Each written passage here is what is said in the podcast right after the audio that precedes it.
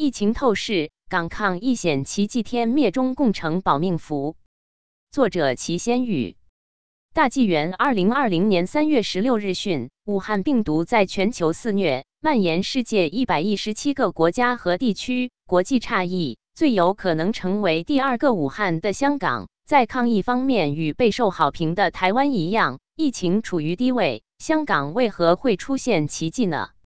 香港疫情比预计的百分之零点五五还低。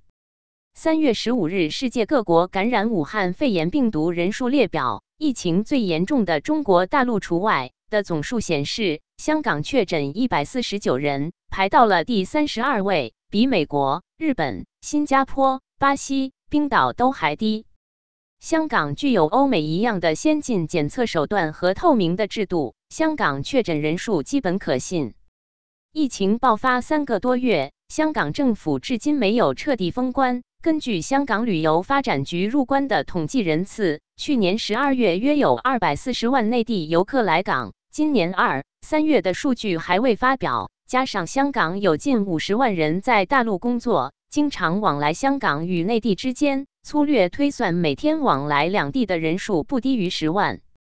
特别是香港有到武汉的直达高速列车。同时，近邻的深圳、广州的疫情都比较严重，这些都直接威胁着香港。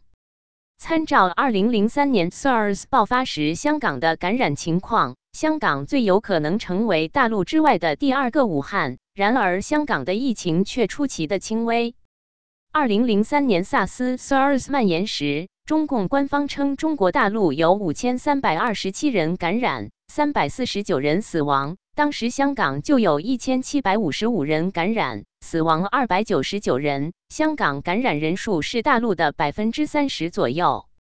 即使不考虑武汉病毒的传染力比萨斯高出二十多倍，不考虑中共隐瞒疫情压缩数据，仅仅以大陆官方声称的感染人数八万人来按照 SARS 时百分之三十感染率计算的话，理论上香港至少会有二点四万人感染。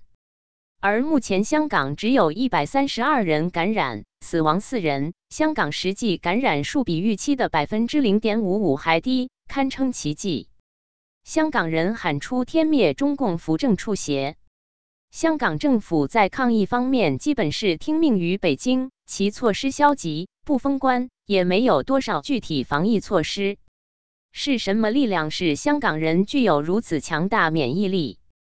中医认为瘟疫是邪气入侵，正气强就能抵御邪气。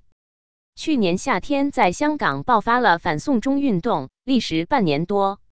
随着中共及港府践踏民意人权的步步升级，运动诉求从最初单纯的撤回逃犯条例修订，演变成驱逐中共的反极权抗争。香港人民捍卫自由的决心和勇气，获得全世界正义人士的支持，正气汇聚于湘江。抑制了中共的邪气。运动期间，香港的大街小巷随处可见“天灭中共”的海报或手写字样。在中共窃政七十年之日，香港市民举行游行，打出“没有国庆，只有国殇”的横幅，高喊“天灭中共”，成媒体关注焦点。十一月，香港中大保卫战时，中大学生在中大二号桥与警察对峙。学生在桥边竖起“天灭中共”大横幅，学生向大纪元表示，竖起后感觉心里很踏实，似有神在护佑。“天灭中共”四个字已然成为香港人的护身符。之后，在十一月香港的区议会选举，香港市民用选票对中共说不，亲共党派在大选中遭遇历史性惨败。中医讲正气存内，邪不可干。这一正气，从深层意义上讲，是指人明辨是非善恶的浩然正气。香港知名评论人刘细良表示：“共产党比冠状病毒更毒，亲共可能会没命。”这句话也道出了香港人在反送中运动中的表现，早已把最毒的中共病毒拒之门外。最近网络上有港人批评特首林郑在电视上对香港抗议领功，网民留言说。这半年，香港人用血与泪和生命的付出，清理了香港的共产党邪气，扶持了正气，令香港对中共病毒有更高抵抗力，令武汉肺炎病毒在香港望而却步。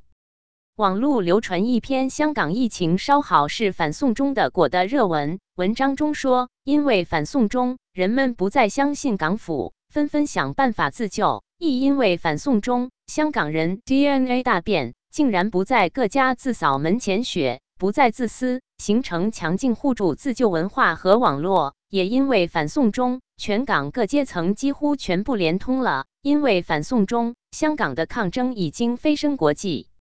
最后，经历萨斯之痛的香港可以急速反应，知道最重要的物资是什么，如何预防。香港民众因为站在反共最前线，从而未受到武汉病毒的严重侵蚀。从某种意义上讲，抵制中共、远离中共就越安全。